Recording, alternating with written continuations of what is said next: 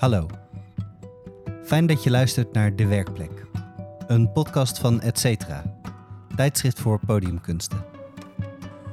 In deze podcast ga ik, Luc de Groen, samen met een van de auteurs van Etcetera langs bij een kunstenaar. Uit nieuwsgierigheid naar de plek waar makers werken en op ideeën broeden, bezoeken we een atelier, een thuis, een ruimte die inspireert. Deze aflevering bezoek ik samen met Simon Batens het huis, het atelier, het archief van Mirjam van Imschoot. In Brussel, op de 32e verdieping van een van de hoogste gebouwen die de stad kent, spreken we haar. Maar eerst spreken Simon en ik voor het gebouw. Voor de 32 verdiepingen die wij omhoog gaan. Zo, eh, Simon, waar zijn we? We zijn in eh, Brussel aan het Josafat Park in Schaarbeek. En we staan aan de voet van het gebouw Brusilia, een eh, nogal indrukwekkend appartementsgebouw van 34 verdiepingen hoog. En, en zou je eens kunnen omschrijven, wat, waar doet het gebouw je aan denken? Waar, hoe ziet het eruit? Uh, het gebouw is een soort uh, boog. Wij staan aan de binnenkant van de boog, zeg maar. Uh, architectuur met veel glas, jaren 70 zou ik zeggen qua architectuur. En achter ons, achter ons is er een mooi groot park. Dus ik denk dat dit toen het gebouwd werd een zeer prestigieuze locatie was. En, en waarom zijn we hier? We zijn hier omdat uh, Mirjam van Imschoot hier woont. Zij woont op het 32e verdiep van dit gebouw.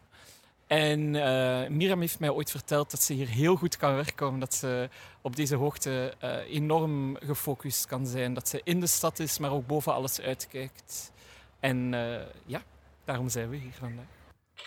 Hallo. Hallo, Simon en Luc. Ah, Oké, okay. ik wiep jullie binnen en dan de lift naar boven 32. Prima, tot zo. En uh, nu dat we even in de lift hebben, ja. zou je kunnen vertellen waarom je graag met Mirjam wilde spreken? Um, ik heb twee keer met Mirjam samengewerkt. Eén keer in, uh, in het kader van een, een, project waarin ik performer was in een voorstelling die zij gemaakt heeft met uh, Willem de Wolf, een, een, voorstelling over een koor. En later is Mirjam ook de mentor geweest van mijn masterproef, ook binnen KASK. Dat was ook een heel fijne, ja, een heel fijne uitwisseling van, van gedachten. En sowieso vind ik Mirjam een zeer boeiende maker die ook een lange geschiedenis heeft als dramaturg, als schrijver ook over performance en theater. En ze werkt heel veel rond geluid. Ze heeft een uh, fantastisch archief van allemaal geluiden, heeft ze mij verteld. Ja, en ik ben ook gewoon heel benieuwd om deze plek te zien. Dus... Wat voor een werk maakt ze? Mirjam maakt werkt daar altijd rond geluid en rond de mensen rond heel uh, specifiek. Ze, heeft een uh, enorme kracht, vind ik, in, specificiteit. Wat daar ook een heel goede kijker en, uh, en mentor maakt. Ze maakt installaties en performances met mensen rond, rond stem, zang in allerlei vormen. Ja, dat is een beetje haar werk in een, in een notendop, zeg maar.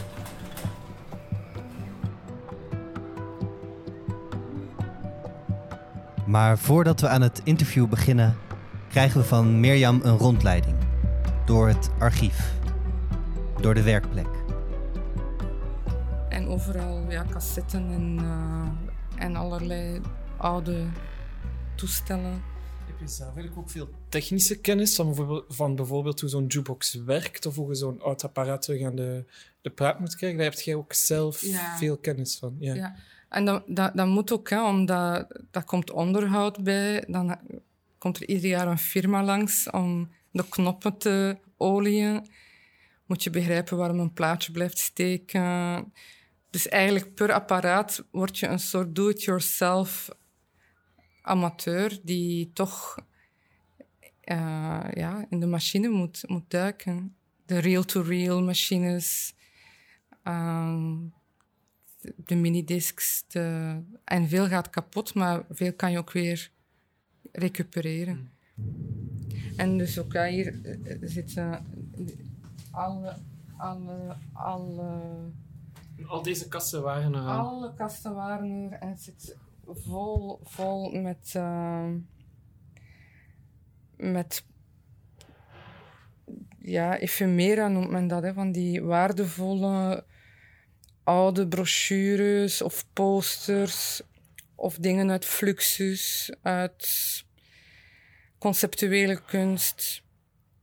Uh, dingen die van Jonas Mikas komen uit de film uh, archives. Een stukje Marian van Kerkhoven, archief van Rosas dat ik nog moet teruggeven. Een stuk archief van Crash Landing dat Damage Goods niet, niet echt wil. Anna Halprin. Halprin. Uh, en ik denk dat dat gewoon verder gaat. Wat is dat hier? En dat, zijn de, dat zijn gewoon... Dat is het archief van de jassen. maar dus alle requisieten staan hier ook, hè, van de voorstellingen. Zoals dat gordijn. Dat bestaat helemaal uit de lintjes van tapes die ik heb vernietigd. Dat is ook een vorm van... Met het archief omgaan vraagt ook soms een vernietiging van het archief. En dat is dan deze lint, uh, lintgordijn geworden. En er staat een jukebox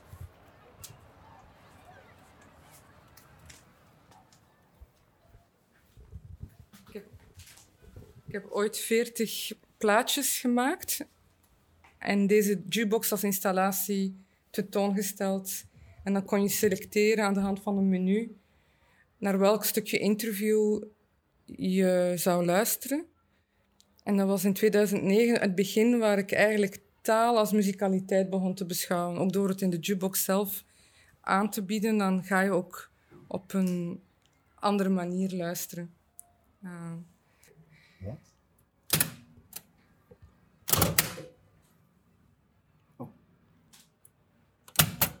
Ja, hij onthoudt het zo. Kijk, nu, nu kan je zien als je hem openmaakt. Mhm.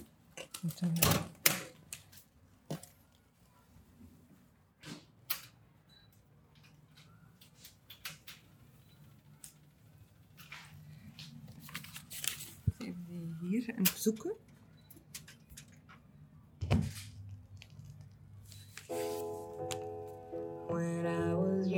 listen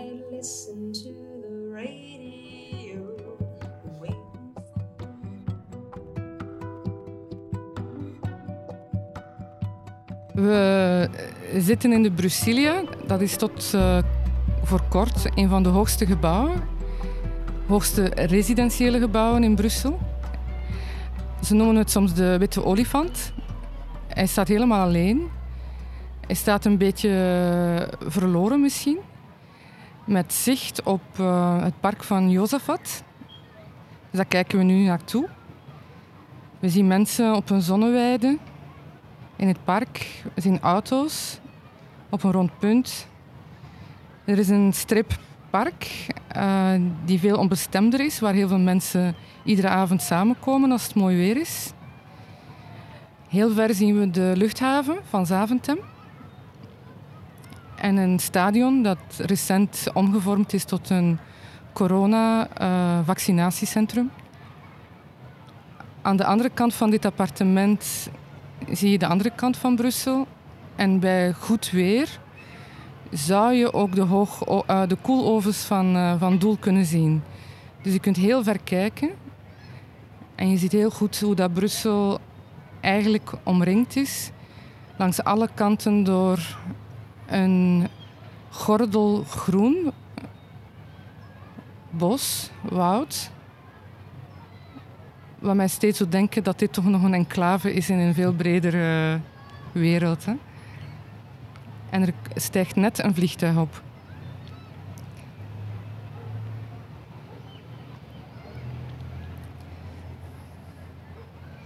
hoe lang woon je hier? Ik woon hier tien jaar. En het heeft eigenlijk tien jaar geduurd vooraleer dat ik uh, deze omgeving begon te lezen. Ik denk dat ik tien jaar vooral gekeken heb naar de wolken, naar de vliegtuigen, naar vogels, maar dan vanuit de andere richting. Dan kijk je neer op de vogels. En dat ik eigenlijk nu sinds de lockdown uh, ben ik de ben ik het uitzicht beginnen, beginnen ontcijferen. Begon ik te begrijpen wat dit ook is, uh, die stad, hoe dat die in elkaar zit. Ik ben ook heel veel gaan, uh, gaan fietsen. En plots vanuit een soort visuele honger, misschien een soort visuele uh, dieet, omdat je niet meer uh, ver weg uh, kunt gaan, werd dit eigenlijk een soort atlas van, van details en van, van, van plekken waar je dacht van oké, wat is dat? Ik ga er de volgende keer naartoe rijden. Ik woon hier met mijn man, Marcus, Marcus. En uh, hij woont hier intussen drie jaar. En woont hij hier graag? Ja, je moet hem dat vragen. Hè. Dus, uh, hij zegt van wel. Hij zegt dat hij hier... Want ik uh, ben toch al een aantal jaren aan het kijken of ik niet, niet zou verhuizen. Ik heb ook nooit echt ergens langer dan zeven jaar gewoond. En na zeven jaar komt er zo die, die, die rusteloosheid. Maar net op dat moment kwam Marcus hier wonen en hij heeft nog niet die rusteloosheid. En zo ben ik eigenlijk dan toch hier gebleven en ben ik het eigenlijk opnieuw gaan ontdekken. Hij wil nog niet weg. Zelf ook recent verhuisd. Ik woon in, in Antwerpen, ook in een hoogbouw, niet zo hoog als dit is 21 verdiepingen. Ik woon op het 20ste. Het is een beetje gelijkaardig omdat er weinig of geen andere hoogbouw in de omgeving is. En ik dacht dat 20 hoog was, maar nu ik hier ben, is dat ook wel relatief. Maar ik, ik heb mij ook wel vaak. Um, ik heb al vaak gerealiseerd dat. Ik vind het zelf vrij spectaculair om zo hoog te wonen. Maar natuurlijk zijn er ook heel veel mensen in, dat, in, in hetzelfde gebouw die op de eerste paar verdiepingen van, van beneden af te beginnen dan wonen. Ja bijvoorbeeld een heel andere ervaring moet zijn. Ja. Dus ik vraag me ook soms af van, zo, van op welke laag stijgt je zo echt boven de stad uit? Of heb je en dat overzicht en zo dat heel ja, privégevoel dat ik toch wel ervaar? Ik heb ooit een uh, film gemaakt. Um, ik noem het eigenlijk een road movie. Maar de reis die gemaakt wordt is van beneden, dit gebouw, tot helemaal boven aan het dak. En de camera zit heel dicht op uh, de façade.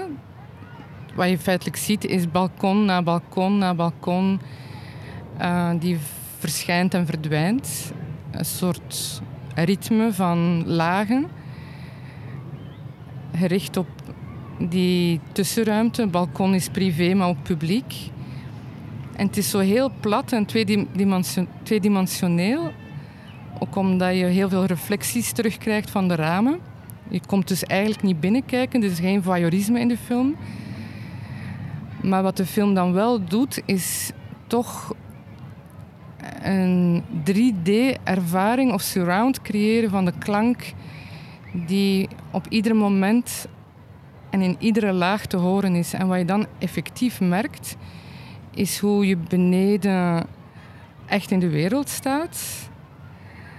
Hoe dat de klank begint uit te dunnen, maar nog steeds met, met detail. En op een bepaald moment wordt het, in het Engels zegt men eerie. Het wordt ijl. Een soort heel andere atmosfeer. En dat stemt overeen met ook wat er gebeurt in het visuele spectrum. Dus op een bepaald moment zit je wel niet meer in de bewoonde wereld. Ik bedoel, je zit dan op een bepaald moment echt ook wel in een luchtruim. En het is die, ik weet niet vanaf wanneer, misschien is dat vanaf 20. Misschien heb jij dat al, zit je op die grens. Misschien 25, maar op een bepaald moment uh, laat je iets los. En, en moet je ook je, je schaal aanpassen. Van wat, wat, wat is je referentie? Naar wat kijk je? Naar wat... Maar wat ik dan hier zo, zo tof vind, is dat we liggen eigenlijk een beetje... Het gebouw staat in een, in een kuil, in een vallei. En dat heeft een parabolisch effect. Dus de klank stijgt echt naar boven en je kan soms op deze verdieping nog steeds um, iemand uh, een bal horen trappen. Of een ketting die ratelt. Of een. Ja, een. Uh, ja, dingen waarvan je echt niet, niet zou denken dat ze, dat ze zover kunnen komen. En dat is dat parabolisch effect. Dus wij hebben altijd de ramen open.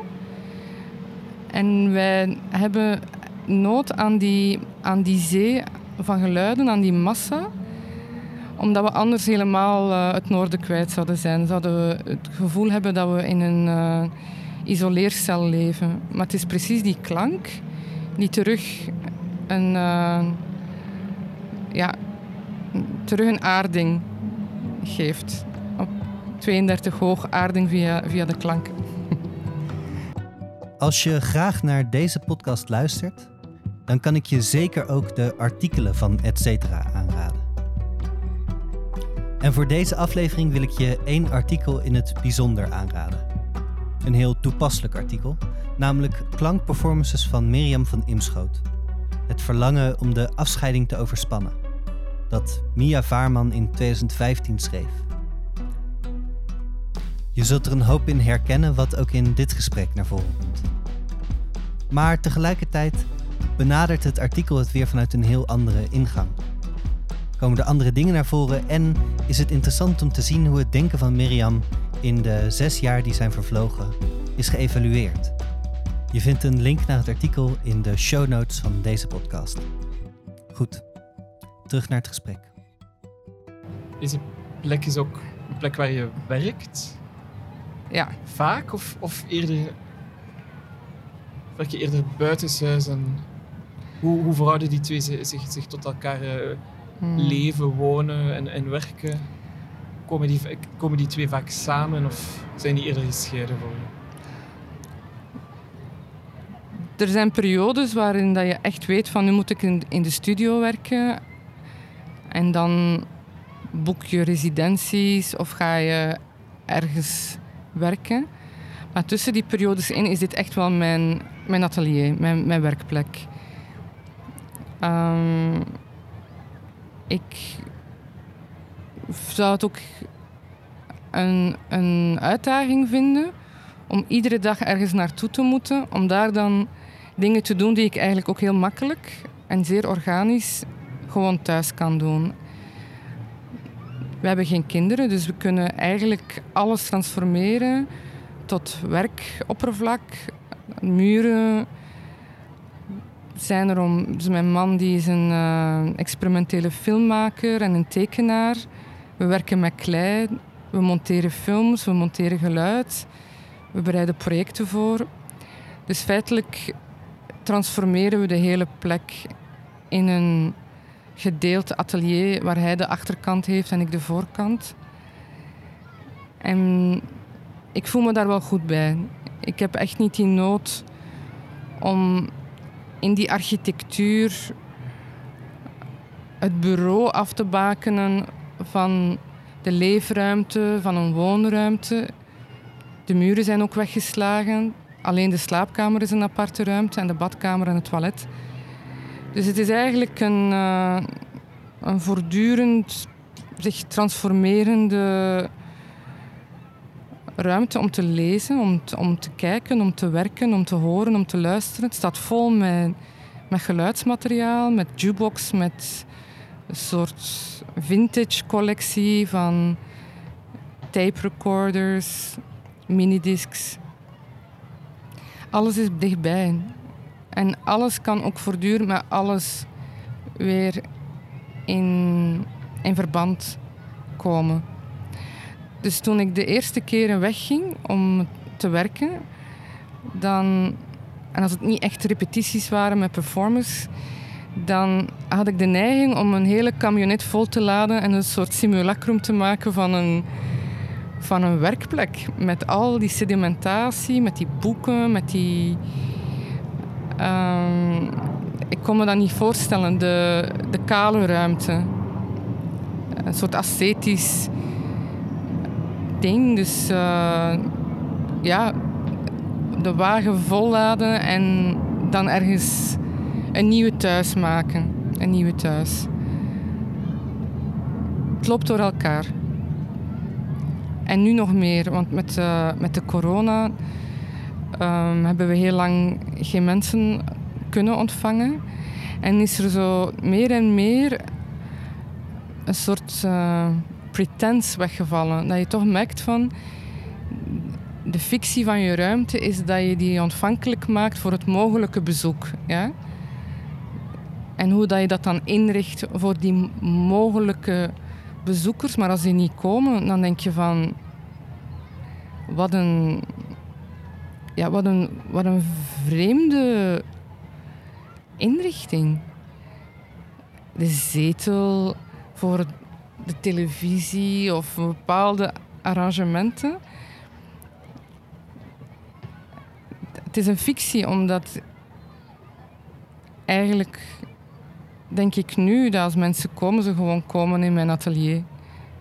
Ze kunnen blijven slapen, we kunnen eten, maar ik moet het niet meer ombuigen naar dat soort mogelijk burgerlijk model van, uh, van, van functionaliteiten die ook niet echt overeenstemmen met, met uw leven. En dan zijn er toch momenten waarop je toch de behoefte hebt om, om hier weg te gaan en wel die neutrale plek op te zoeken. Is dat iets wat je nu meer kan appliceren of beter mee om kan om, om, om, om dat contrast te ervaren en zelfs op te zoeken? Ik heb al een tijd, toen ik nomadisch leefde, heb ik eigenlijk geleerd om te werken met wat beschikbaar is en available. En bijna het aan te nemen als een, een goddelijke schikking of zo. Van, dus alles kan spreken vanuit, vanuit, vanuit die omgeving. De bibliotheek die niet de jouwe is, wordt plots de, de tool of de. Ja, eigenlijk alles wat je aantreft. Dus dat heeft wel een shift gemaakt van eigenlijk hoeft een omgeving niet de extensie zijn van, van mijn leven, maar het moet wel een omgeving zijn waar idealitair ook, uh, ook geschiedenis zit. En dat was het vreemde toen ik begon voorstellingen te maken. Dat je in een lege studio komt die feitelijk heel, heel weinig in de weg legt, maar ook heel weinig, weinig aanbiedt. Hè. Um, en zeker als het een studio is waar je niet de hele periode lang zou kunnen werken en dingen kunnen laten staan. En ik herinner me dat we daar ooit over gesproken hebben, maar dat ik zei van ik heb eigenlijk een van de dingen die ik heb moeten leren is wat is eigenlijk een studiopraktijk en wat is een repetitieruimte en hoe, hoe moet je dat leren bewonen en hoe moet je dat leren en werken. En dat heb ik geleerd. Ik heb feitelijk uh, nu echt nood aan die alternering. Dus van very polluted noise environments naar dan die, die lege ruimte van mogelijkheden. Om daar dan uh, dingen te gaan, te gaan proberen, dingen, dingen maken. Het gaat, dan, het gaat het dan ook over uit die veelheid die hier zeg maar, hangt of beschikbaar is? bepaalde dingen kunnen een plek geven, een bepaalde focus geven en echt uitspitten zonder dat ze meteen uh, terug in, verbinding staan met, met, met, met, al de rest wat er aanwezig is. Gaat het ook daarover? Over een ander soort focus? Het is misschien een trechter, dat je weet van ik trechter ik naar, naar een nulpunt. Je hebt je bagage, je weet wat je meebrengt. Maar vanuit toch dat voorlopig nulpunt ga je weer een nieuwe kosmos maken en een nieuwe complexiteit. En dat, dat moet dan weer openen naar, naar wereld. En, en eigenlijk meer en meer denk ik naar chaos. Ja, dat is hetgene wat je in dat proces het makkelijkst kunt verliezen. Dat je terug iets, iets, iets maakt dat, dat, dat weer die, die gelaagdheid heeft. Maar dat nulpunt is wel interessant, omdat het een microscopisch effect heeft en dat er een verhevige aandacht is voor soms kleine gebaren, kleine elementen, details, waardoor je, als je daar heel erg diep in gaat kijken en mee gaat werken, net op dat kantelpunt kunnen komen te staan naar, naar veelheid. Maar het is echt zoals je het zegt. Ik denk dat het een, een, een proces is van, van, van hoarding, van vergaren, van selecteren, van wieden en weer permacultuur toelaten en, en, en, en maken. Kan je misschien een, uh, een voorbeeld geven van, van zo'n nulpunt of focus die, waar dat je rond gewerkt hebt, recent of misschien al langer geleden, iets dat daar nu bij je opkomt waarvan je zegt van dat heb ik echt toen gedestilleerd uit die veelheid en dat is een vertrekpunt geweest om een vertakking te maken die dan weer uh, tot, een, tot een eigen kosmos heeft geleid. In, in het laatste stuk, dat nu op, op tournee uh, gaat, in de single en Kai Theater, in dat stuk, in New Polyphonies heet het, heb ik uh, anderhalf jaar onderzoek gedaan naar wat polyfonie is, wat die traditie inhoudt, hoe dat je daar ook je kritisch kunt toe verhouden, want het is ook vaak iets dat wordt benoemd als een van de westerse uitvindingen bij uitstek. Dus met het humanisme, het perspectief en dan de polyfonie. Een extreem ingenieuze kunstvorm en raderwerk waar dat onafhankelijke stemmen toch samen in een samenhang krijgen. En ik wou van metafaan heel veel leren daarover, maar tegelijkertijd ook een, uh, een, een ombuiging, een detournement, een, een polyfonie met echt een hoek af. En voor mij kwam dat door te kijken naar de polyfonia zoals het bij de Griekse oudheid begrepen werd als alles wat je in de natuur aantreft, van klanken, van krekels, van ook op de, op de grens mogelijk van kakofonie. En dus ben ik eigenlijk heel erg gaan luisteren naar wat ik dan voor mezelf de nieuwe natuur noem en ook de nieuwe polyfonie. En dus hier heb ik eigenlijk heel veel materiaal vergaard. Ik heb, uh, doordat in die lockdown, toen we aan het creëren waren, zo weinig vliegtuigen waren, kon je degene die vlogen heel goed horen. En vliegtuigen zijn een ontzettend belangrijk motief geworden. Um, ik heb hier minutenlang op het balkon gewacht met een recorder in de aanslag. En als een soort David Attenborough in, in hiding met commentaren op van ik denk dat ik het nu hoor. Maar goed, ik was een, een vliegtuigklankenjager. En dat heb, ik mee, ja, dat heb ik meegenomen naar het proces. In dat nulpunt zijn we eigenlijk gaan kijken wat er nu precies gebeurt op grote schaal met het vliegtuig. Dus de, de turbine, de, de, de motor. Je denkt dat je de motor hoort, maar eigenlijk hoor je het malen van de lucht. Wat een ontzettende earthquake is in the sky. En dat het feit dat je met klank niet alleen een klank produceert, maar dat je gaat werken met een ander element, namelijk de lucht. En hoe dat je dat kunt malen, vermalen en welke klank dat, dat voortproduceert, daar hebben we dan eigenlijk in dat nulpunt mee gaan werken. En kijken naar allerlei vormen van trillen, van, van helikopteren, van, van, van geluid, van... Ja, er is er misschien nu weer een. En dus in dat nulpunt, omdat je dan ook die wereld niet hebt, is het voor mij het moment dat ik het eigenlijk in het lichaam plaats. En dat we de wereld terug opzoeken in het, in het, in het lijf.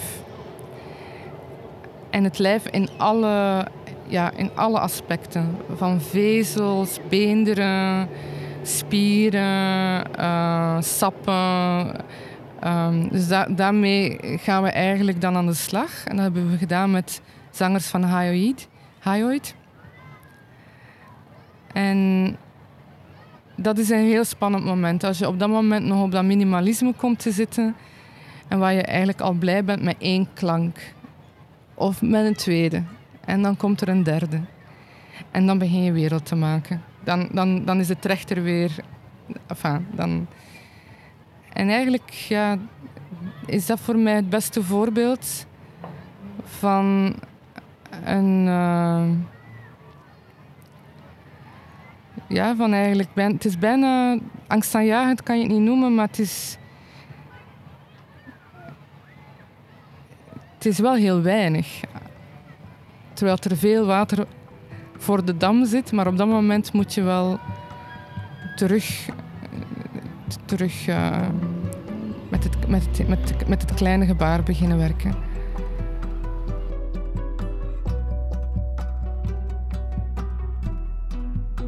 Heeft dat, heeft dat ook te maken met een medium? Wat je je medium zou, zou noemen?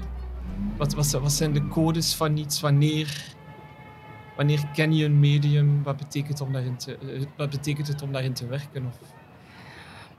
Maar ik heb mij er een beetje van af kunnen maken door, door eigenlijk te zeggen van ik werk met een medium dat nog alles mogelijk maakt. Ik werk met de stem. Maar hoe dat je met die stem gaat werken, in welk medium dan? Dat kan film zijn, dat kan installatie zijn, dat kan een performance zijn, dat kan een orale publicatie zijn.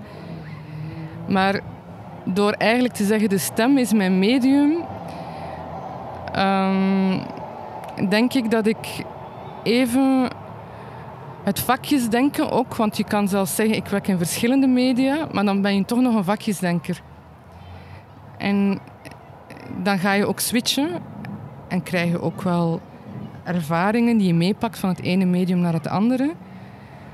Maar ik vind een, een zone waarin er nog geen disciplinaire um, automatisme leven en waar je dus echt met de stem zelf gaat werken vooraleer dat je beslist van nou, wordt dit medium. Of dat gaan we verder uitwerken binnen die discipline. Dus ik, ja, ik, ervaar dus die vraag ook als iets dat ik denk van dat we moeten transdisciplinariteit nog veel meer uitdagen of, of, of, of gaan herdenken. Maar ja, op een bepaald moment creëer je het kader of het dispositief en zeg je van ja, het is een voorstelling, het staat daar in die context. Uh, nu is het een performance, nu is het een film en uh, daar, daar, daar, daar ga je ook mee aan de slag. En de dramaturgie houdt rekening met de plaats van het publiek daarbinnen. Maar ik ben toch steeds blij als ook per werk er een, een, een, een genreverwarring komt. Of iets dat, dat mensen toch even doet aarzelen van nou, is, het, is het nu een radiofoonstuk? Is dit een performance? Is dit geluidskunst? Zoals die New Polyphonies. Is het een concert? Is het eigenlijk een totaalspektakel waar gewoon klank heel centraal staat, maar waar het fysieke even belangrijk is als wat je hoort en hoe dat geproduceerd wordt? Dus ergens streef ik wel naar een dispositief dat duidelijk kan communiceren naar een publiek, maar dat eenmaal dat daarbinnen is geloodst, er toch een, een, een spel is met, met de verwachtingen rond een genre. En vooral als je het niet weet wat het is, moet je ook je eigen leescodes of je, je, manier van, van kijken en omgaan met dat werk ook in vraag stellen of ontdekken. Voor mij zijn dat in ieder geval de mooiste momenten als, als toeschouwer geweest. Wanneer ik nog geen codes had of iets nog niet kon ontcijferen. En waar ik gewoon heel hard moet, moet, moet werken. Of niet dat dat dan moeilijke voorstellingen zijn of met hoge drempels, in tegendeel. Maar het boeit mij wel. Hoezeer je nu vandaag nog kunt proberen iets te maken dat ergens niet meteen te herleiden is tot de automatisme van daarmee om te gaan. Want als je eenmaal uit die automatisme kan breken, dan gaat de ervaring ook veel uh, intenser zijn.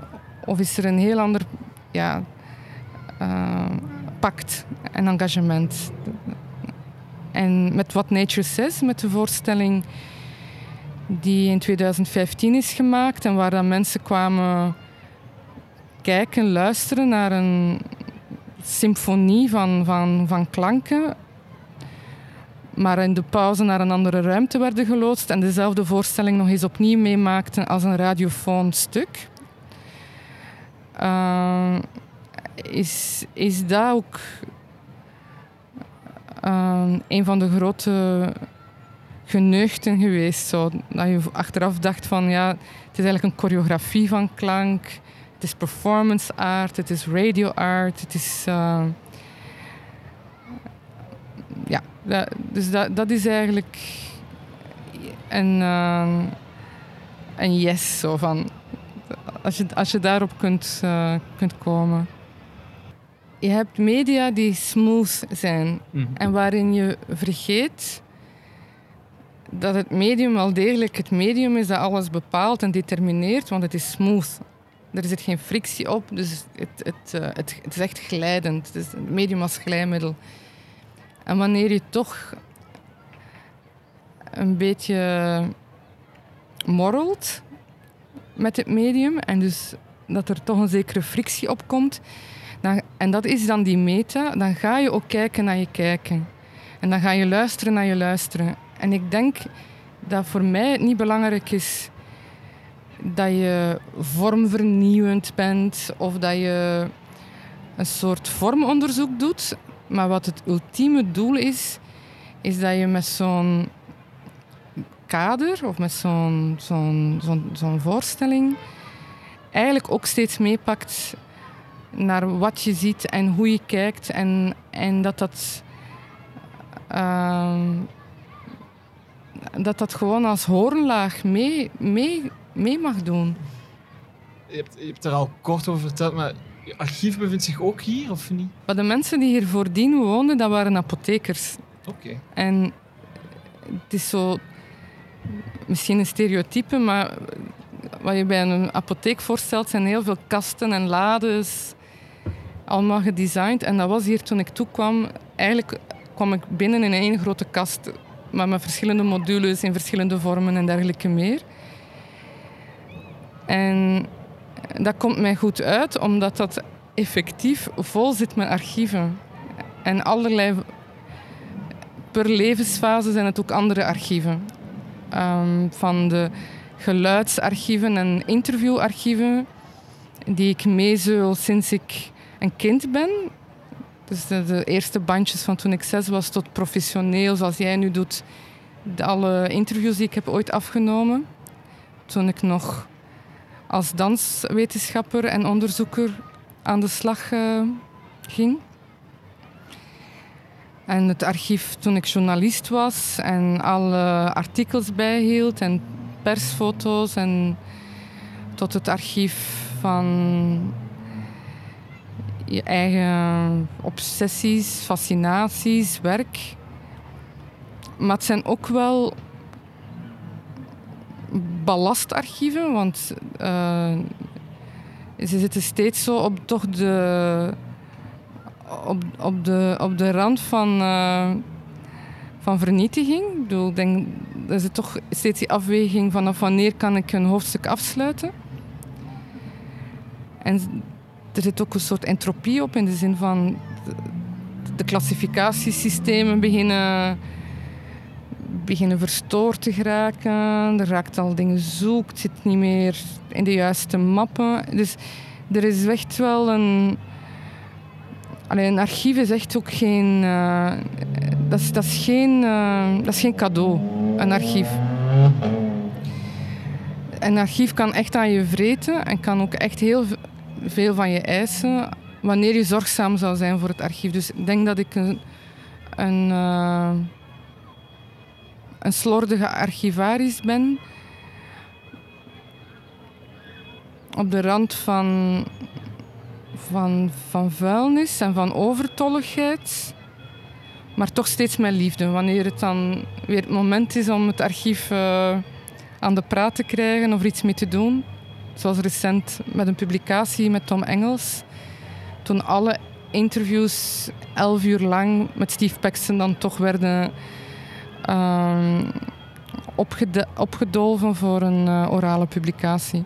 En in het begin was mijn werk een grote zo rescue operation om die archieven niet verloren te laten gaan, maar ook een soort grondige opkuisactie. Je maakt een werk opdat je een archief zou kunnen overdragen, of omdat het in een andere medium een voortbestaan kan leven. En ik denk dat mijn werk, als we dan terugkoppelen naar, naar het begin van wat is die trechter, eigenlijk zoek ik naar manieren van overdracht.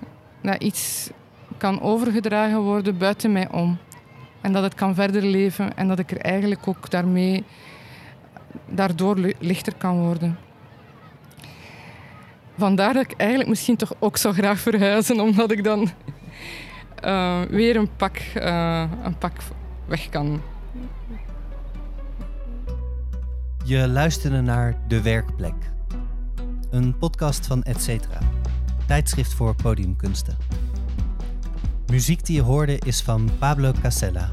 Logo is gemaakt door Bart Herweg.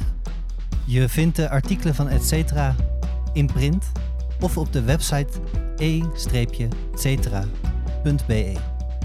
Volg ons op Instagram en Facebook om altijd op de hoogte te zijn van het laatste nieuws.